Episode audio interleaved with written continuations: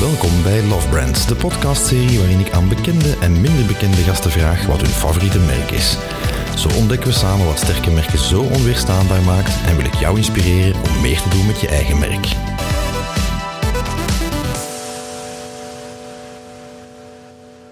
Welkom beste luisteraar bij een nieuwe Love Brands episode. Ik zit tegenover de oprichter en vernoot van uh, Growth Inc., de enige echte Peter de Keizer. Dag Peter. Goedemiddag. Hi. Fijn dat je even tijd wou maken om op mijn uh, vraag te antwoorden, namelijk wat is uw favoriete merk en waarom? Uh, mijn favoriete merk is uh, IKEA. Het is een merk dat ik al uh, heel mijn leven ken. Van ja, een pas beginnend bedrijf met relatief kleine winkels en een relatief klein aanbod tot een, een merk waar je niet meer naast kan kijken. Dat naast meubels ook een, ook een hele levensfilosofie, lifestyle, inkijk in de Scandinavische levensstijl enzovoort verkoopt. En dus wat dat betreft vind ik het een, een, een, heel fascinerend merk. En in elke fase van mijn leven heeft het wel ergens een rol gespeeld. Dus vandaar een favoriet merk. En herinnert je nog de allereerste interactie of de allereerste bezoek aan die magische grote IKEA-winkel? Uh? ja, ik herinner mij vooral dat, uh, dat er voor mij mijn broer een stapelbed werd, uh, werd gekocht. En dus dat ik inderdaad mee mocht, mocht in elkaar zetten. En dat is, heeft heel lang gediend, dat, dat stapelbed. Het was bijzonder stevig ook. Ik heb er ja, heel veel plezier aan gehad mm. aan, aan, dat bed. En dus, dus um, op geregelde tijdstippen was er dan wel eens een nieuwe bureau nodig of een, of een eh, bureaulamp of dan weer iets anders. En het aanbod werd ook altijd ruimer en ruimer. En dus als ik van kind tot puber, tot student, tot pas alleen gaan wonen, tot trouwen, tot zelf kinderen krijgen, in elk van die fases zijn er wel stukken van IKEA die dan bruikbaar zijn geweest. Al is het om speelgoed op te bergen of speelgoed zelf, of uh, kerstversiering, kaarsen en nu de, de, allerlaatste gadgets om smartphones op te laden. Dus wat dat betreft uh, ja, zijn ze eigenlijk wel een soort van compagnon geweest, uh, een groot stuk van mijn leven. Ik denk bij veel mensen hè, die zich dat herinneren van als kind en, en, en dan inderdaad ja, alleen gaan wonen. Vaak niet budget hebben om daar, weet ik veel wat, voor designmeubels te kopen. En dan inderdaad bij een IKEA. Ja, en als je dan kijkt uh, hoe zij eigenlijk erin geslaagd zijn om, om, om, om meubels te democratiseren. Vroeger was iets, uh, was, uh, waren meubels iets waar je je halve leven voor spaarde. En dan ging designmeubels. Ja, ja, inderdaad. En dan ging je dat inderdaad kopen. En dan moesten die meubels ook wel 30 jaar dienen in... Um, in de, uh, in de, in de, de woonkamer of, of, ergens anders in het interieur. Maar met IKEA kon je daar veel sneller mee moduleren. Uh, dat was een eerste interessante, dat, dat, dat, dus, uh, dat je dus sneller van interieur kon veranderen, dat, dat, je, dat je niet hoef, hoefde te leven in een interieur dat niet meer bij jou paste. Maar ten tweede ook mensen met beperkte, beperkte middelen, die, die ook in staat waren om iets mooi te kopen voor, voor weinig geld. Dat vond ik een heel belangrijke. En dan als je dan meer over het bedrijf leert kennen, dan gaat het over de manier waarop ze produceren, het feit dat ze inderdaad met, met die vlakke verpakkingen zijn begonnen. We kijken vaak naar, naar Apple en hoe hun verpakkingen een soort van magisch cadeau zijn dat je open doet enzovoort. Daar is, revolutionair. Daar is heel sterk over nagedacht, maar de verpakking van Ikea ziet er wat minder fancy uit, maar er is ook heel sterk over nagedacht, want alles wat je kan besparen, dat is, dat is meegenomen. En dus uh, al die aspecten fascineren mij er wel aan. Ja, ze noemen dat zelf de democratisering van design, hè, zeker furniture design. Hè. Zij gaan daar prat op, hè, dat ze dat geïntroduceerd hebben, het sustainable furniture verhaal voor massaconsumptie. Hè. -hmm. Daarvoor had je misschien ook wel goedkope meubelen, maar ja, niet zo groots. Uh, misschien moeten we gewoon eens beginnen bij het begin, want eigenlijk IKEA, is, uh, ik verschot daar een beetje van, is een oud merk al. Hè, is opgericht in 1943, in het midden van de Tweede Wereldoorlog. In Zweden door de legendarische Ingvar Kamprad. En was oorspronkelijk een postorderbedrijf. Mm. En uh, ik heb ook eens wat, wat, wat inzichten proberen te vergaren in die Kamprad. Hè. Die is geboren in 1926 tot zijn 87ste aan het roer gebleven van IKEA. Hè. Uh, een beetje de Steve Jobs dan, om de Apple-analogie door te trekken. Moeide zich effectief ook met alles. Maar die was dus al zeven, nog maar 17 als hij echt begon te ondernemen. Dus IKEA is opgericht als hij 17 was. En daarvoor had hij, vanaf dat hij vijf jaar oud was, verkocht hij al lucifers, vis, kerstversiering, balpennen, van alles en nog wat. Eigenlijk gewoon een hustler, hè, in de, in de ja, betekenis van het woord. Uh, is geëindigd uh, volgens Forbes als de elfde rijkste man op aarde. Ja. Uh, terecht, revolutionair, die man? Ja, absoluut. En als je dan, als je dan kijkt hoe inderdaad, een hustler inderdaad, dat zeg je. Dus iemand die altijd wil weten wat mensen nodig hebben. Als je vandaag IKEA binnenwandelt, uh, als je niks nodig hebt, het is onmogelijk om zonder iets buiten te komen. Ja. Dus, uh, dus daarin slaagt hij dus al, uh, dus al degelijk. Maar wat mij betreft het democratiseren van, van meubels, van inrichting, van design, dat is een, dat is een heel belangrijke. Dan uh, het productiemodel. Ze produceren vaak in, in, in emerging markets, in Oost-Europa of, of in het Verre Oosten enzovoort. Hè. Dat is wat mij betreft, daar produceren is eigenlijk ook een manier om te zorgen voor welvaart in die, in die regio's. Hè. Maakt het betaalbaar voor mensen hier, zorgt dat mensen hier een job hebben. En ook iets wat, wat ik... De laatste jaren ook, ook meer aandacht voor, uh, voor uh, begin te hebben, of meer, wat me meer opvalt, is de manier waarop ze omgaan met, met duurzaamheid, uh, circulariteit enzovoort. Daar zetten ze heel sterk, heel sterk op in. Hè, dus van groene energie voor hun, voor hun winkels, tot de manier waarop ze met verpakkingen omgaan, hè, tot en met de verven die ze gebruiken enzovoort. En tegelijkertijd, en dat is ook een reden die meespeelt, mijn, mijn, mijn broer woont al twintig jaar in, in Zweden. En dus, um, um, ondanks het feit dat ze ja, wel wat items van IKEA hebben, bedoel, het interieur ziet er Zweeds uit daarbinnen. En dus dat lijkt heel sterk op wat er bij IKEA staat. en dus altijd een klein beetje terugdenken aan, aan Zweden. Ook het feit dat ze in de, de kleuren van IKEA ook de Zweedse, ja. de Zweedse vlag gebruiken met het geel en het, uh, en het blauw. De namen van de, van de producten zijn dan plaatsnamen of, of grappige namen die ergens naar, uh, die ergens naar verwijzen. De legende zegt dat dat een reden heeft, hè? want Ingvar Kamprad was zwaar dyslectisch, dat schijnt. En hij vond dat zijn producten allemaal een naam moesten hebben die hij makkelijk kon uitspreken, makkelijk kon schrijven, makkelijk kon onthouden. En dat waren gewoon het makkelijkst ja, Zweedse woorden, mm. daarna ook Noorse, Deense en zo verder. Mm. Of plaatsnamen. Dus dat is, uh... Ja, absoluut. En het, het, geeft ook, het geeft inderdaad ook een, een, een wat extra cachet aan, uh, aan de winkel. Hè. Je hebt dan nu ook de, de, uh, de winkel waar je dan de, de kan kopen en dan de, de, ja. de haring in shop. het zuur enzovoort. En dat zijn effectief ook de producten die je in, die in Zweden ook altijd, altijd vindt. Dus um, ik vind de manier waarop ze omgaan met duurzaamheid is typisch Scandinavisch. Eh, de manier waarop... Eh, de, ah, is dat zo? Ik weet dat eigenlijk niet. Ik ben, ben, ja, dat is wel heel, eh, heel belangrijk. Hè. Dus, dus, dus, als je bijvoorbeeld kijkt, Noorwegen bijvoorbeeld, ja, het merendeel van de auto's is daar al, is daar al elektrisch. Maar ook in Zweden, zaken zoals solidariteit, duurzaamheid, zorg voor de natuur enzovoort, is daar, is daar bijzonder belangrijk. En, en dat merk je ook in hoe ze, hoe ze omgaan met hun producten. Ik heb een tijd geleden, hadden ze, had IKEA een, um, een, een project uitgewerkt samen met uh, de vluchtelingenorganisatie van de Verenigde Naties. Mm -hmm. En hebben ze een IKEA-vluchtelingentent gebouwd. Ja, die comfortabeler is dan, laten we zeggen, de gebruikelijke vluchtelingentent. En dat hebben ze dan eigenlijk... Ja, hun why hè, van IKEA is, is, is uh, mensen huisvesten op een comfortabele manier. En hebben ze dan eigenlijk getransponeerd naar, uh, naar vluchtelingen, wat ik eigenlijk een heel sterk verhaal vond. Mm. Dat, dat, blijft nog altijd hun eigen DNA. Mensen op een comfortabele manier voor weinig geld huisvesten, maar brengt het eigenlijk naar een helemaal andere sfeer, namelijk vluchtelingen. Wat op dat moment eigenlijk ook hun, hun, hun, hun duurzaamheid en hun CSR en hoe ze in het leven staan uh, benadrukt. Dus, die, die purpose is dat voor jou belangrijk in het kader van IKEA? Want uiteindelijk, ja, oorspronkelijk zijn ze natuurlijk begonnen als postorderbedrijf. En de reden waarom die met die platte pakketten en die dingen, dat was eigenlijk gewoon prijsgedreven. En vandaag ook nog eigenlijk, mhm. ondanks alle ideeën rond duurzaamheid. Het design bij IKEA begint bij de prijs en zo werken ze achteruit eigenlijk, een ja. beetje omgekeerd. Ja. Um, denk je dat het, het, prijsverhaal bij IKEA minder een rol is gaan spelen de laatste Nee, ik denk altijd dat dat belangrijk is. Maar ik denk als, als, eh, als wereldwijd producerend bedrijf met uh, ja, toch in heel belangrijke mate eh, kritische, uh, kritische consumenten in het Westen ook, die kijken naar waar komt een product vandaan, hoe het komt uit Bangladesh. Gaan we toch eens drie, vier andere vragen stellen. Denk ik dat het belangrijk is om daar de nodige aandacht voor te hebben. Dus 20 jaar geleden of 25 jaar geleden was dat veel minder belangrijk. Tenzij bij een bepaalde categorie van de bevolking die dan uh, solidariteit en derde wereld heel belangrijk vond. Vandaag zie je dat elk zichzelf respecterend bedrijf dat soort bekommernissen mee aan boord neemt. En ik vind dat IKEA daar op een heel oprechte manier ook over, uh, over communiceert. Ze hebben natuurlijk ook wel een behoorlijke verantwoordelijkheid. Hè. Met hun schaal die ze vandaag nog hebben. Hè. Uiteindelijk 422 winkels in 50 landen, en waarvan 8 in België. Dat is niet niks. Als je kijkt, hè, ik geef een paar, paar cijfers mee wat dat betreft. 1 op de 10 Europeanen zouden verwekt zijn in een IKEA-bed bijvoorbeeld. Hè. Dat wil toch zeggen dat het heel uh, breed verspreid is.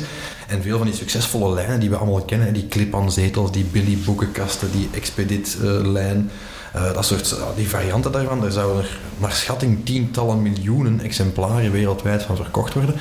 Ja, dan heb je natuurlijk wel een verantwoordelijkheid op ecologisch vlak natuurlijk ook. Ja. Hè, dat je zorgt dat dat... Uh, ja, dat die... ja, ik geloof ook heel sterk dat... De, uh, wij geloven als bedrijf, maar ik geloof ook persoonlijk... dat uh, bedrijven de echte agents of change zijn. Hè. Ja, bedrijven kunnen in de eerste plaats sneller beslissen dan overheden. Als ze beslissen, beslist hebben, dan voeren ze sneller uit. En wanneer ze uitvoeren, dan raken ze ineens veel meer mensen. Als zij morgen zeggen, die billiekast, daar gaan we 20% minder materiaal in gebruiken. Ja, die impact wereldwijd, die gaat ook heel, heel groot zijn. Als zij op een bepaalde manier omgaan met, met hun personeel, personeelsvoorwaarden enzovoort. Ze gaan ineens over veel meer mensen, gaat over veel meer mensen gaan. En ik heb ooit ook laten vertellen... Ja, zij hebben uiteraard ook een, een, een stuk vermogensbeheer, hè, dus waar het kapitaal van de familie in zit. En een aantal mensen daarvan gesproken en die, die uh, vertelden mij, ik weet niet of het een urban legend is of niet, dat dus IKEA uh, normaal geen winkels opent in landen met een te groot, te hoog niveau van corruptie. Okay. Dus dat zij weigeren om uh, steekpenningen te geven of mensen om te kopen enzovoort. En dus dat in principe landen waar IKEA gevestigd is, dat dat in principe een soort van keurmerk is. Landen, dat die landen eigenlijk eh, niet te corrupt zijn eh, en niet de kantjes daar, daar aflopen. En dus de urban legend was dat ze ooit de IKEA in uh, Moskou gingen openen, wat een heel grote IKEA is. En dus dat de burgemeester om smeergeld had gevraagd om dus elektriciteit aan te sluiten. Okay. En zonder dat smeergeld zou hij dus de elektriciteit niet aansluiten. En IKEA weigerde daarop in te gaan mm. en heeft dan dieselgeneratoren laten laten aandrukken. En uh, het verhaal gaat dat het tot op de dag van vandaag de IKEA in Moskou nog altijd met dieselgeneratoren wordt, uh, wordt aangedreven, omdat ze weigeren uh, steekpenningen en smeergeld te betalen. Ja, zijn er nu al weggetrokken natuurlijk. Ja, nu zijn ze inderdaad weg, net zoals heel veel bedrijven uiteraard. Ik denk een stuk sancties, maar ook uiteraard een stuk reputatie. Als je ziet wat een, een merk als Nestlé vandaag over zich heen krijgt, omdat ze nog actief zijn daar, de ene na de andere meme. Ja, um, ja en heel bewust blijven ook. Hè. Ja, heel bewust blijven. Maar dus de ene na de andere uh, meme die daarover opduikt, het merk zelf die heel sterk uh, beschadigd wordt. Als ik vandaag de raad van bestuur zou zijn van een multinational die zich heeft moeten terugtrekken uit, uh, uit Rusland, zou ik me wel de vraag stellen, wat is het volgende land dat aan de beurt is? Ja. Want Volkswagen is misschien weg uit Rusland, maar de, quasi de helft van alle sales van Volkswagen wereldwijd komt uit China. Natuurlijk. Kan je dat wel blijven volhouden? Ja, nee. Die gaat dus volgens mij een veel meer waardengedreven kapitalisme overhouden, waarbij de why van een bedrijf belangrijker is, hoe ze in de praktijk brengen wat ze doen voor, uh, voor mensenrechten enzovoort. Je gaat daar niet meer mee wegkomen door te zeggen van ik ben kleurloos, geurloos, ethische principes, dat telt niet voor mij. Ik produceer gewoon tegen de beste prijs. En ik vind wat dat betreft dat IKEA dat wel meer in, uh, in, in, de vingers, uh, in, in, in de vingers heeft. Het gaat ook heel vaak over gewone mensen. De gezinnen die je daar ziet, dat zijn gewone mensen. Terwijl mensen van all walks of life daar, daar komen kopen, gaat het vaak over gewone mensen. Het gaat over slimme oplossingen. Um, het gaat over een, sense of ownership, dat je ondanks een klein budget toch in staat bent om jouw woning toch, uh, toch apart uh, uh, in te richten.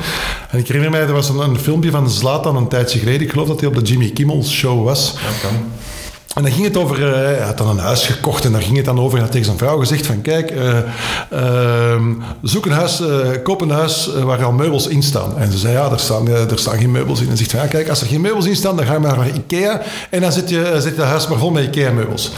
En dan zei zijn vrouw van, kijk, maar rijke mensen kopen toch geen Ikea-meubels? Hij zei, rijke mensen misschien niet, maar slimme mensen wel. dus dat was de quote van, van Zlatan. En dus dan zie je onmiddellijk, dat is echt een household name. En dus het idee van, van dat, dat je als goedkoop merk eigenlijk bijna, ik zal niet zeggen dat je een premium merk bent, maar er, er is wel een zeker uh, mystiek en een zeker aura rond, uh, rond dat merk. En dat vind ik ook uh, heel leuk. Je had het verhaal van de corruptie al aan, van de why. En natuurlijk, ja, brand purpose merken, dat is niet nieuw. Hè. Dat is al pre-Rusland, pre-corona, dat dat in opkomst is. Hè. Wij geloven ook, wij zeggen zelfs dat merken de nieuwe religies zijn. Nu, als econoom natuurlijk wel een beetje de vraag. IKEA krijgt wel eens kritiek op zijn uh, constructie. Hè, want uh, je zegt het zelf, inderdaad. Uh, we werken met stichtingen en zo. Hè. Ze zijn officieel in Nederland gevestigd als stichting. Ik heb pas nu met het research voor deze aflevering ontdekt dat dat eigenlijk een non-profit organisatie is, mm -hmm. op papier. En de kritiek natuurlijk is dat dat een pure tax scheme is, om vooral veel belastingen te ontduiken. En men zit in, met stichtingen in Nederland en vennootschappen in Liechtenstein. Um, hoe, hoe kader je dat Voilà, uw inzicht uh, als, als ja, communicatiespecialist, maar ook als econoom. Ja, dat, is, uh, dat blijft, ik zal niet zeggen dat dat problematisch is, maar het is wel zo dat als daar te veel de focus op begint te liggen en de, de spanning tussen wat je als merk wil uitstralen en hoe je jezelf dan fiscaal organiseert om zo weinig mogelijk belastingen te betalen, dat dat niet vol te houden valt. Dus ik vermoed als vroeg of laat daar de focus toch wat meer op, op ligt, ja, dat ze dan inderdaad hun... fiscale organisaties zullen moeten aanpakken. Heel veel van dat soort constructies liggen trouwens ook onder vuur. Hè. Als je een koffie van eh, Starbucks koopt in, eh, in, uh, in Milaan of in Rome, gaat ook een groot stuk naar Nederland. Dat wordt als een soort van octrooirechten uitbetaald. Ja, Het recht om een Starbucks te mogen serveren. Hetzelfde bij Ikea. Dat is een dat soort van, van mechanismen ook. Maar ik verwacht wel dat, dat met die oorlog in, in, in Oekraïne, we komen er nu vaak op terug, de globalisering wat mij betreft is op zijn terugweg. Je gaat terug grenzen, grenzen zien, zien optrekken. En ik, ik, verwacht echt dat we handel gaan drijven met gelijkgestemde landen. Kan je nog als een, als een Adidas eh, hier, eh, wij zijn spreken, een Adidas of een Nike of een ander merk, dat je hier ESG claimt en diversiteit enzovoort, maar tegelijkertijd uh, plooit naar de wensen van Chinese machthebbers en, daar best bereid bent om aan censuur impliciet mee te werken enzovoort die spanning zal onhoudbaar zijn. En je ziet dan nu eigenlijk al dat er een blok democratieën komt en een blok autocratieën. En dat zal ook voor merken grote implicaties hebben en voor grote bedrijven implicaties hebben. Het idee dat je als eh, bedrijf een soort... Ehm, ja, kleurloos uh, vehikel bent, dat eender waar kan produceren en zich geen vragen hoeft te stellen over lokale omstandigheden, ethiek enzovoort. Dat is volgens mij gedaan. En wat er dan bij hoort, is dat dat soort zaken, zoals die stichtingen enzovoort, die fiscale organisatie, optimalisatie, dat daar ook naar, uh, naar gekeken zal worden. Dat is toch bizar, want ik denk dat weinig consumenten dat, dat weten. En van de andere kant denk ik, ja, ergens past het helemaal in het karakter van die kamprad die notoir zuinig, op zijn zacht gezegd, en eigenlijk vooral gierig was. En er waren mhm. een paar voorbeelden. Die mensen reden 25 à 30 jaar met dezelfde Volvo, weigerden een nieuwe auto te kopen. Hij vloog economy class, hij vond dat allemaal maar patserig om uh, duurdere ticketten te kopen. Hij hergebruikte theezakjes. Maar hij vond dat je dat meer dan één keer kon gebruiken. En is dat echt al hè, een ontwaar uh, gierig, denk ik. Uh, maar hij had om die reden bijvoorbeeld ook zoveel mogelijk in zijn eigen restaurant. Ehm, en dat is een verhaal dat ik ook doe vanuit een branding standpunt. Um, die Ingvar Kamprad is een prachtig voorbeeld van hoe small data werkt. In die zin dat hij geloofde ook niet in geld uitgeven aan marktonderzoek. Hij vond dat zijn mensen dat zelf moesten doen en hij gaf zelf het goede voorbeeld. Dus tot ver in zijn 70er jaren ging hij dus effectief in dat restaurant mensen zitten bespieden van wat kopen ze, welke gesprekken voeren ze. Maar hij ging ook aan de kassa zitten van zijn eigen woonwarenhuizen in Zweden dan, om te kijken welke combinatie van producten kopen mensen, waar klagen ze over, welke vragen hebben ze. Uh, ik denk dat die, die zuinigheid misschien wel een oorzaak kan zijn voor dat fiscale uh, systematiek. En tegelijkertijd, ja, als je dan naar branding kijkt, is het een slimme manier om uh, ja, het leven te leiden of u in de schoenen te plaatsen van uw consument. Als je onafhankelijk mhm. begint met design moet betaalbaar zijn en democratisering daarvan. Uh, en je krijgt inzichten in de levens van die mensen doordat je zegt ik ga geen marktonderzoeksbureau betalen, ik ga mm gewoon zelf uh, bespioneren. Ja, ja, absoluut. En de trekt de lijn op zijn minst dan wel zelf door natuurlijk. Hè. Van goedkope meubels tot zo weinig mogelijk belasting betalen. Dus, uh, dus wat dat betreft... theezakjes kopen. Ja, ja, ja, inderdaad. Dus wat dat betreft is hij bijzonder, bijzonder consistent. Hè. Dat, is, dat, is, dat is zeker het geval. Maar ik vind... Ehm, ik zeg het in elke fase van, van, van mijn leven dat ik, dat ik naar Ikea ging of daar binnenkwam, om daar, of daar ervaring mee had, werd ik toch altijd... Het was heel laagdrempelig. Je werd altijd ook geholpen. Ofwel kon je jezelf helpen met allerhande gidsen, meters, pennen enzovoort. of mensen gaven jou ook advies over wat past hier in, in die, die living ja of nee. Tot en met jouw keuken mee helpen uh, maken en opstellen. En uh, ja, wat dat betreft is het, is een soort van, van compagnon tijdens, tijdens je leven. En er zijn weinig merken die op die manier gedurende heel je leven zo'n compagnon kunnen, kunnen blijven. Hè. Je hebt wel een frisdrankmerk dat je misschien dronk in je jeugd, maar nu niet meer. Je hebt mm. misschien jouw allereerste automerk en je rijdt nu met iets anders. Of, of een horloge die je draagt enzovoort. Maar dit is toch iets wat er de hele tijd bij blijft. En uh, dat vind ik wel heel sterk. En ja, dat is volgens mij een van de redenen waarom ik het ook, uh, ook zo leuk vind. Wat heb je vandaag nog staan van IKEA? Of liggen? Of dingen? Los van theelichtjes, Vandaag nog staan de bedden van de kinderen zijn, zijn van IKEA. ja. Ja, ik heb zelf nog uh, in de slaapkamer nog een tweetal kasten met schuiven staan van Ikea. In mijn bureau heb ik ook nog een, ja, zo'n grote tafelblad met de poten onder enzovoort. Staat er ook nog van, van Ikea. En in de kelder, waar alle fietsgrieven, zeilgrieven, skateboards en zo moeten opgeborgen worden.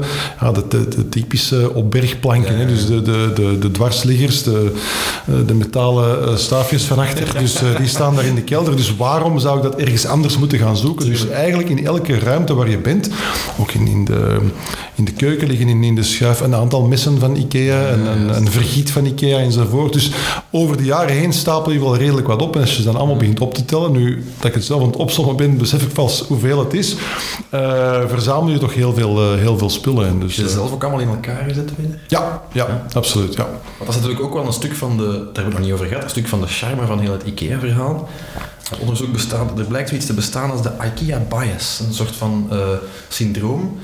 Uh, namelijk, het blijkt psychologisch, wij hechten 63% meer waarde aan iets dat we zelf in elkaar gestoken hebben. Mm -hmm. En dat zou voor een stuk verklaren waarom mensen ook zo verknocht zijn, ook wanneer ze dat niet meer moeten bij de IKEA-winkel, van dat toch te blijven kopen, omdat ze dat, dat ferm vinden, dat ze dat zelf in elkaar gezet krijgen. En je hebt wat dat betreft twee kampen. Mensen die zeggen, ja, ik gruw daarvan en ik blijf altijd met extra vijzekjes zitten en ik snap dat dat sleuteltje niet dat erbij zit. En anderen die dat zelfs zonder handleiding in elkaar zitten. Ik durf mijzelf tot die tweede groep te, te rekenen. Mm -hmm. Ja, ik vind ook altijd de eerste groep. Ik, ik vraag mezelf af of, of, dat die bestaan. ja, Volgens mij is het een soort van badge of honor van ik kan dat niet of ik heb twee linkerhanden. Maar ik ben nog nooit vijzen tekort gekomen. Ik ga zeggen, mijn echtgenote, dat was een, het eenvoudigste salontafeltje. Een blad, vier poten en een blad nog van onder om wat op te leggen. Een soort van salontafel. En daar was ze in geslaagd om dus die, die zes stukken van dat verkeerd in elkaar te zetten. Mm -hmm. Zonder het zelf te merken, want dat tafeltje was niet gebruikt toen ik haar leerde kennen.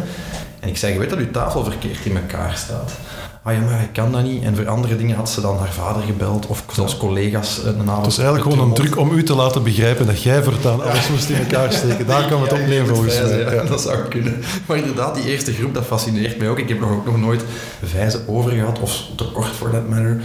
Ja, en het is, het is ook zo'n klein beetje, zo, het is bijna... Uh, Zeker als je naar Ikea gaat, is het ook leuk om, om uh, je vermeldde net het restaurant. Als je daar dan op een zaterdagochtend rondkijkt, je hebt dan gezinnen die komen voor het goedkope ontbijt en dan voor de rest nog een paar kleine spulletjes meepakken. Je hebt ook jonge uh, koppeltjes die je dan effectief een kar vol met de volledige uitzet van borden tot, uh, ja. uh, tot donsdekens en, en, hoofdkussens tot en met gezinnen met kinderen, waarbij de kinderen niets mogen kiezen.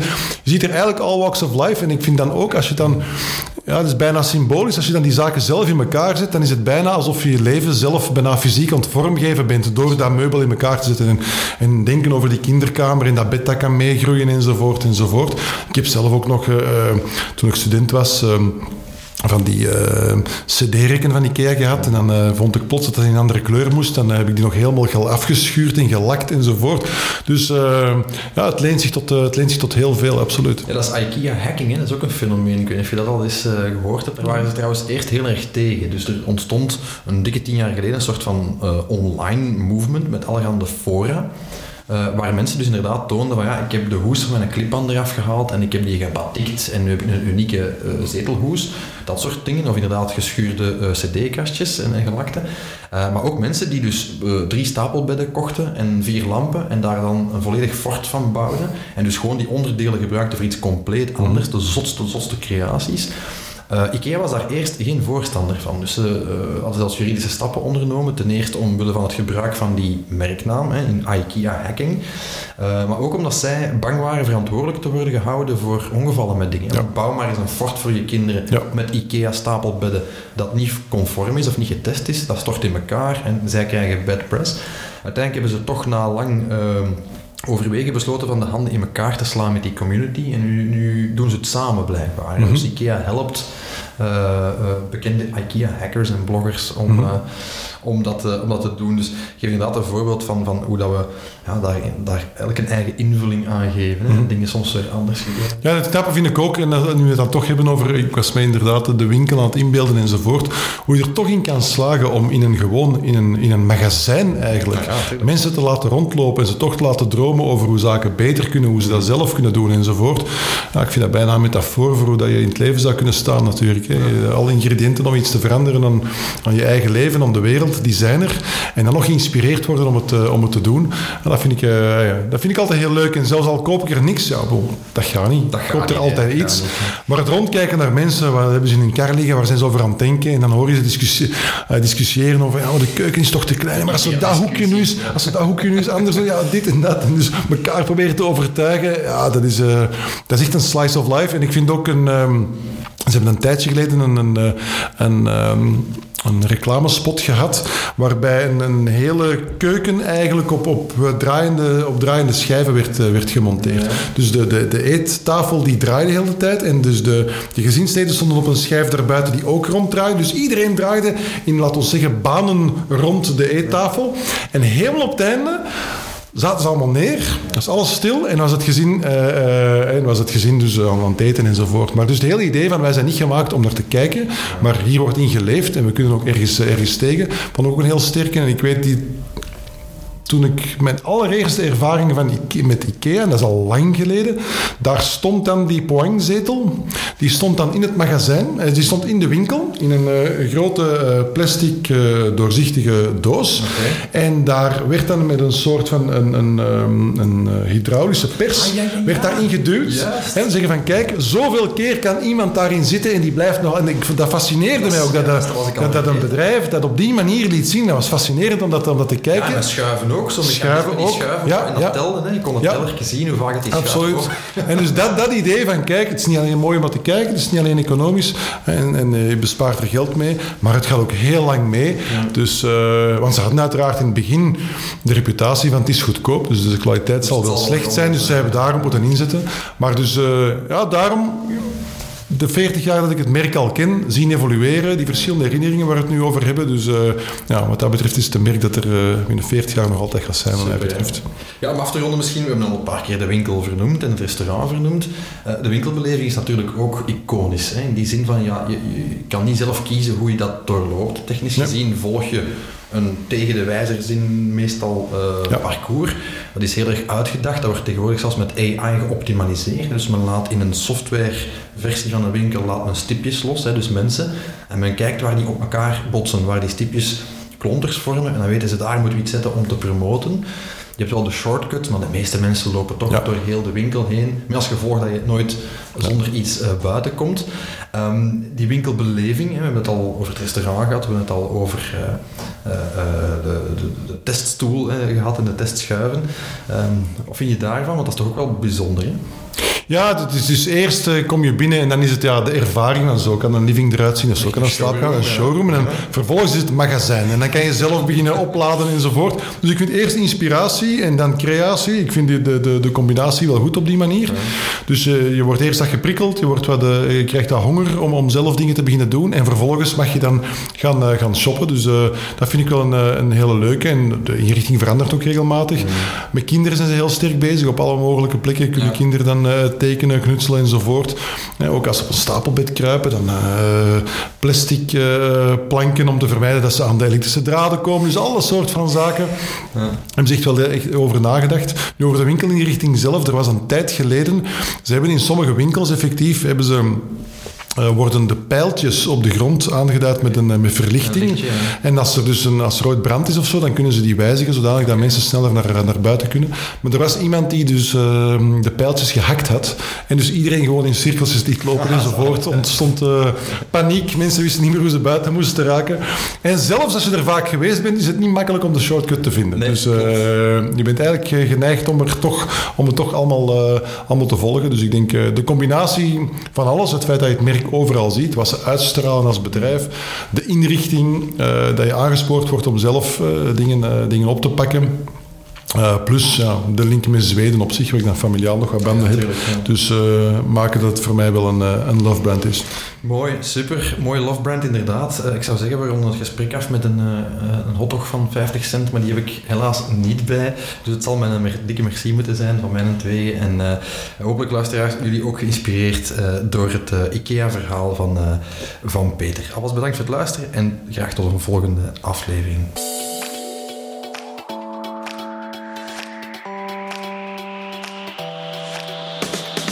Dit was Love Brands voor deze aflevering. Bedankt voor het luisteren. Vergeet je zeker niet te abonneren of alle andere afleveringen te ontdekken via stefferbeek.be slash lovebrands. Wil je van je eigen merk ook een echte lovebrand maken? Neem dan zeker eens contact op met mij en mijn collega's via pavlov.be. We bekijken graag hoe we kunnen helpen.